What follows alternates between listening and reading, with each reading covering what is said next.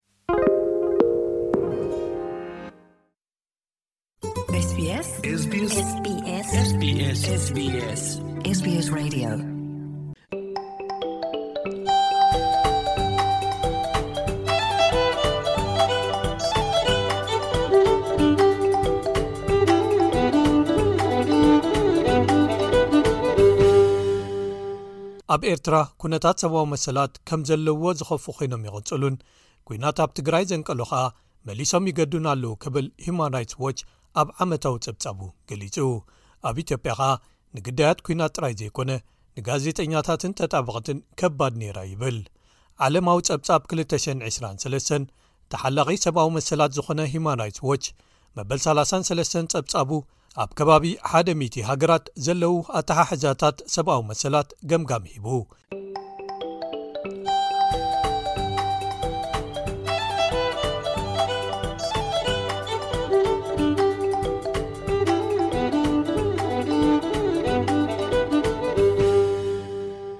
መንግስቲ ኤርትራ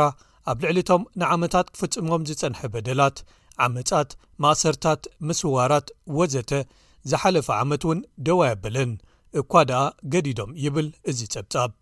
ብመሰረት እቲ ጸብጻብ መንግስቲ ኤርትራ ነቲ ሰፊሕ ዝርጋሐ ዘለዎ ግዱድ ዕስክርናን ምልመላን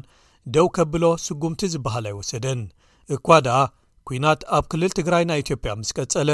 መተካእታ ሰራዊት ዝኾንዎ ንምምልማል ኣብ ካልኣይ ክፋል ናይ ዝሓለፈ ዓመት ሰፋሕቲ ግፋታትን ግዱዳት ዕስክርናን ወሲኾም ኣብ ወርሒ መስከረም ኣብ ጎድኒ ሓይልታት ጸጥታ ኢትዮጵያ ኣብ ትግራይ ሓድሽ ኲናት ብምጽባይ መንግስቲ ንዕቑር ሰራዊት ክሳብ 55 ዓመት ዝዕድሚዮም ማለት እዩ ክኸቱ ገይሩ ሓይልታት ኤርትራ ኸኣ ኣብቲ ሰባት ብብዝሒ ምእሳርን ምዕናው ቅርስታትን ከምኡውን ጾታዊ ዓመጽን ዝኣመሰሉ ከበድቲ ጥሕሰታት ምፍጻም ዝቐጸልሉ ክፋላት ክልል ትግራይ ገና ኣለዉ ኢሉ እቲ ጸብጻብ ንክታበት ብዝምልከት ማእከላት ምቁጽጻርን ምክልኻልን ሕማም ኣፍሪቃ ኣብ ኤርትራ ዝኾነ ዓይነት ጎስጓስ ምህላው ጸብጻብ ሓበሬታ ኣይሃበን ኣብ መወዳእታ 221 ኤርትራ ኣብቲ ተወዳዳሪ ዘይኮነ ጉጅለ ኣፍሪቃ ናብ ቤት ምኽሪ ሰብኣዊ መሰላት ውድብ ሕቡራት ሃገራት ደጊማ ተመሪጻ እንተኾነ ግን ብመሰረት ፍሉይ ልኡኽ ውድብ ሕቡራት ሃገራት ኣብ ጉዳይ ሰብኣዊ መሰላት ኣብ ኤርትራ እዚ ምምራጽ ኤርትራ ኣብቲ ጨቋኒ ዝኾነ ፖሊሲኣ ዝኾነ ምትዕርራይ ወይ ምምሕያሽ ኣይኸተለን ኢሉ ኤርትራ ምስ ወሰንቲ ዝኾኑ መሰላት ዝከታተሉ መሓውራት ውድብ ሕቡራት ሃገራትን ሕብረት ኣፍሪቃን ምትሕብባር ምእባያ ቀጺላቶ ኣላ ንፍሉይ ልኡኽ ውድብ ሕቡራት ሃገራት ናብ ሃገራ ከይኣቱ ወሲኽካ ታሕሳስ 221 በደላት ኩሎም ወገናት ኣብ ኩናት ትግራይ ንኽምርምር ሓደ ኮሚሽን ክኢላታት ሰብዊ መሰላት ኣብ ኢትዮጵያ ክቐውም ንዝብል ተቓዊማቶ ኤርትራ ኲናት ትግራይ ካብ እትጽንበር ኣትሒዛ ሓደስቲ ማዕበላት ግፋታት ዝኾብለሉ ኤርትራውያን ከም ዝነበሩ ብቐጻሊ ተጸብጺቦም ብመሰረት ፍሉይ ልኡኽ ውድብ ሕቡራት ሃገራት ሕፃናት እውን ተመልሚሎም እዮም እዞም ግፋታት እቲ ኲናት ኣብ ዝቐጸለሉ ኣዋርሕ ንሓሰን መስከረምን ወሲኾም ቤተሰቦም ናይቶም ዘይተረኽቡ ኸኣ ክሳብ ማእሰርትን ካብ ገዝኦም ምስጓግን ኣጋጢምዎም ስድራ ናይቶም ናብ ትግራይ ከይዶም ኣብ ውግእ ዝተሳተፉ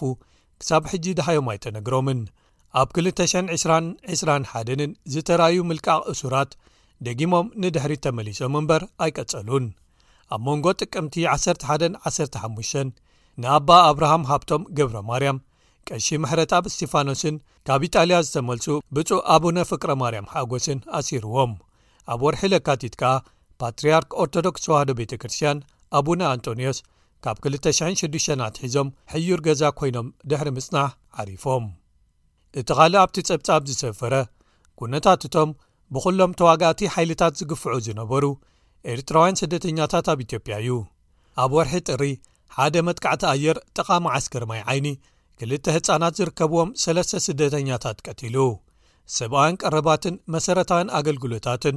ነቶም ኣብቶም ዝተረፉ ክልተ መዓስከራት ዝነበሩ 25,000 ኤርትራውያን ስደተኛታት ብምኽንያት ኲናት፣ ወሰኽ መጥቃዕትታት ድሮንን ፍጹም ከበባ ክልል ትግራይ ብመንግስቲ ኢትዮጵያን ተሰናኺሎም። ኲናት ዳግማይ ኣብ ዝተጀመረሉ፣ ውድብ ሕቡራት ሃገራት ኤርትራውያን ስደተኛታት ኣበይ ከም ዘለዉ ዘይፈልጠሉ ኩነታትን እዋንን ነይሩ እዩ። ኣብ ወርሒ ጥሪ ውድብ ሕቡራት ሃገራት ዕስራ ሰባት ኣገልግሎት መድሃኒትን ጥዕናን ስኢኖም ክንከላኸሎም ብዝኽእሉ ሕማማት መይቶም ክብል ጸብጺቡ ዘይመንግስታውያን ማሕበራትን ክኢላታት መሰላት ውድብ ሕቡራት ሃገራትን እቲ ከበባን ተሓታትነት ዘይብሎም ምስ ኩናት ዝተተሓሓዙ ዓመጻት ብፍላይ ኣብ ልዕሊ ደቂ ኣንስትዮ ኤርትራውያን ስደተኛታት ናብ ፆታዊ ዓመፅን ምዝመዛን ኣብ ምቅላዕን ኣበርክቶ ገይሩ ኢሎም ካብ ኩነታት ትግራይ ምስ እንወፅእ ድማ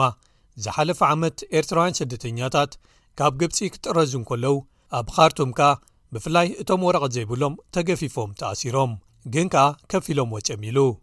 እቲ ጸብጻብ ኣብ መወዳእቱ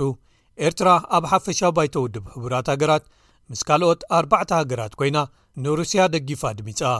ኣሜሪካ ኸኣ ንሓለፍቲ ኤርትራ ግህሰት ሰብኣዊ መሰላት ኣብ ትግራይ ፈጺሞም ኢላ እገዳ ክትገብረሎም ዘኽእላ ብቕዓት ብሓደ ዓመት ኣናዊሓቶ።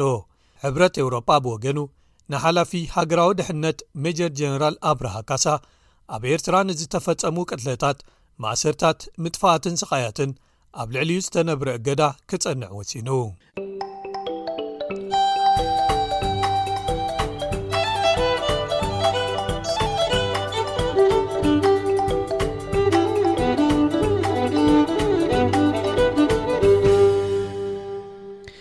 ዓመት ኢትዮጵያ ብመሰረት ሁማን ራይትስ ዎች ብኲናት ኣብ ትግራይ ጥራይ ዘይኮነ ዕግርግርን ጥሕሰታትን ኣብ ኦሮምያን ካልኦት ክልላትን ምዕጻው ርክባትን ኢንተርነትን ቅልውላው ሰብኣዊ ኩነታትን ሓገዛትን ከምኡ እውን ምዕፃውን ምእሳርን ጋዜጠኛታትን ፍሉጣት ሰባትን ዝተዓብለለ ነይሩ ኢሉ ከቢድ ሳዕቤን ኣብ ሰላማውያን ሰባት ከኣ ኣውሪዱ ምስ ኩናት ትግራይ ኣብ ዝተኣሳሰር ኣህጉራዊ ሕግታት ብምጥሓስ ኣብ ዝቐጸለሉ ናብ ገበናት ኣንጻር ሰብኣውነት ዝደናደኑ ተግባራት ኣብ ምዕራብ ትግራይ ምፍጻሞም ቀጺሎም ኣብ ልዕሊቶም ብዝተፈላለዩ መኣዝናት ዝካየዱ ዝነበሩ ከበድቲ ኲናታት መጥቃዕታት ኣየርን ድሮንን ኣብ መቐለ ሽረን ዓዲ ዳዕሮን ብዙሓት ሰላማውያን ሰባትን ሰራሕተኛታት ረድትን ቀቲሎም ብዘይካ ካብ መያዝያ ክሳብ መወዳእታ ንሓሰ ኣብ ዝነበሩ እዋናት ዝኾነ ረድኤታዊ ሓገዝ ናብቲ ክልል ኣይኣተወን ኣብ ወርሒ መጋቢት መንግስቲ በይናዊ ምቁራፅ ኩናት እንተኣወጀን ረድኤት ክኣቱን ተጀመረን እቲ ግብረ መልሲ እኹል ስለ ዘይነበረ ግን ጥሜትን ዓፀሞን ብፍላይ ከኣ ኣብ ህፃናት ቀፂሎም ፀብፃብ ሂማን ራይትስ ዎች ቅትለታት ደብዳባትን ዘረፋታትን ብሓይልታት ትግራይ ኣብ ዓፋር ድሔሮም እውን ኣብ ቆቦ ክልል ትግራይ ብዙሓት ሞታት ዘኸተሉ ሕማቓት ኩነታት ዝነበርዎም ልዕሊ 9,0000 ትግራዎት ኣብ ብዙሓት ማእከላት ክልል ዓፋር ዝተዳጎኑሉን ኣብ ሓደ መኽዘን ውድብ ሕቡራት ሃገራት ኣብ መቐለ ተኸዚኑ ዝነበረ ነዳዲ ብሓይልታት ትግራይ ምውሳዱን ኣብቲ ዓመት ዝተፈጸሙ ኢሉ ጸብጺብዎም ኣብ ወርሒ ሕዳር ኣብ ዶብ ኣፍሪቃ ሕብረት ኣፍሪቃ ዝመርሖ ስምምዕ ሰላም ተበጺሑ እንተኾነ ግን ኣብ ክልላት ኦሮምያ ሶማል ጋምቤላን ቤኒሻንጉል ጉሙዝን መንግስቲ ሚሊሻታትን ዕጡቓት ሓይልታትን ብኲናትን ብዘይ ኲናት ደይ መደይ ተባሂሎም ብዝፍጸሙ ዓመጻት ሕነ መፍደያትን ግብረ መልስታትን ብዙሓት ሰባት ብጅምላ ቀቲሎም ብኣማይት ኣሽሓት ዝቝጸሩ ከኣ ኣመዛቢሎም ሰበ ስልጣን መንግስቲ ኢትዮጵያ ዝሓለፈ ዓመት ብዙሓት ኲናት ኣብ ትግራይን ኦሮምያን ዝከታተሉን ዝሽፍኑን ዝነበሩ ጋዜጠኛታት ኣሲሮም ቤት ፍርዲ እዞም እሱራት ወይ ቅዩዳት ክወጹ ሓቲቱ ከብቅዕ ብዘይ ክሲ ንሰሙናት ኣብ ቤት ማሰርቲ ክጸንሑ ተገይሮም። ተፈቲሖም ዝተኣስሩ ፍሉጣት ጋዜጠኛታትን ተጣበቕትን እውን ነይሮም። ርክባት ተሌኮሙኒኬሽንን ኢንተርነትን ኣብ ዝተዓጽዉሉ፣ ሰላማውያን ሰልፍታት ተኸልኪሎም ወይ ተበቲኖም፣ ፍቓዶም ዝተኸልከሉ ናይ ደገ ጋዜጠኛታት ከኣ ነይሮም። ካብ 20020 ኣትሒዞም ተኣሲሮም ዝነበሩ ፍሉጣት ፖለቲከኛታት ጀዋር መሓመድ በቀለ ገርባ እስክንድር ነጋን ገመቹ ኣያናን ክፍትሑ ከለው ካልኦት ካብ ትእዛዝ ቤት ፍርዲ ወፃኢ ኣብ ቤት ማእሰርቲ ኣለዉ እቲ ትግራዎት ብብዝሒ ክግፈፉን ክእሰሩን ዘኽኣለ ድንጋገ ህፁፅ ኩነታት ፀጥታ ተላዒሉ ክንሱ ብዙሓት ብዘይክሲ ኣብ ቀይዲ ፀኒሖምን ኣለውን ነቶም ካብ ስዑድያ ተጠሪዞም ዝተመልሱ ትግራዎት ወሲኽካ ኸኣ ግፍዕታት ተፈጺምዎም ክብል እዚ መግለጺ ወሲኹ ኣብ ዓለም ለኻዊ መዳይ ብዝምልከት ሓፈሻዊ ባይቶ ውድብ ሕቡራት ሃገራት ኣብ ጉዳይ ኢትዮጵያ ዝኾነ ወግዓዊ ዘተ ከይገብር ከም በዓል ጋቦን ጋናን ኬንያን ንሕብረት ኣፍሪቃ ዝውክላ ሃገራት ብተደጋጋሚ ድምፂ ከይወሃብ ተኸላኺለን ኣልሚሰንኦ መግለፂ ከውፅእ ኣብ ዝደለየሉ ኸኣ ሩስያን ቻይናን ዓፅንኦ ኣሜሪካ ግን ንኢትዮጵያ ብምኽንያት ስክፍታታት ዓመጻት ሰብኣዊ መሰላት ኢላ ካብቲ ንኣፍሪቃ ብፍላይ ክትዓቢ ዕድል ዝህብ ስምምዕ ኣገዋ ወንዚፋታ ኣብ ትግራይ ምስ ዝተኣሳሰሩ ጥሕሰታት ሰብኣዊ መሰላት ብዝምልከት ግን ንኤርትራውያን ውልቀ ሰባትን ባእታታትን ጥራያ እገዳንቢራትሎም ከምቲ ኤርትራ ዝተቓወሞቶ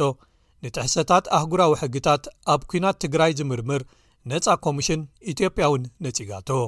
እቲ ነፃ ኮሚሽን ግን ባዕሉ ኣፈናዊ መርመራ ኣካይዱ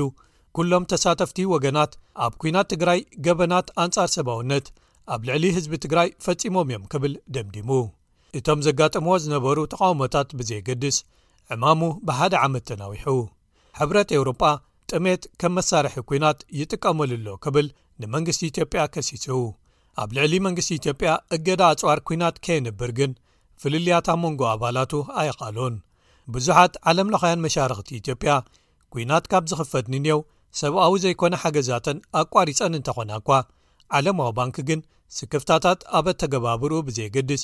ኣብ ትግራይን ካልኦት ከባቢታትን ዝካየዱ መስርሓት ረድኤትን ግብረ መልስን ንምሕጋዝ ተባሂሉ 300 ሚልዮን ዶላር ኣሜሪካ ፈቒዱ ክብል ጸብጻብ ሂማን ራይትስ ዎች 223 ደምዲሙ።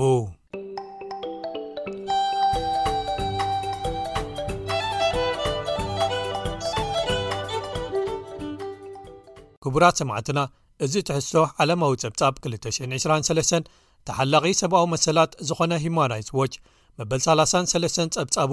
ኣብ ከባቢ 10 ሃገራት ዘለዉ ኣተሓሕዛታት ሰብኣዊ መሰላት ገምጋም ዝሃበሉ ኰይኑ ንኢትዮጵያን ንኤርትራን ብዝምልከት ብፍላይ ካብ ዘውጽኦ ሓበሬታ ዝተጸምቆ እዩ።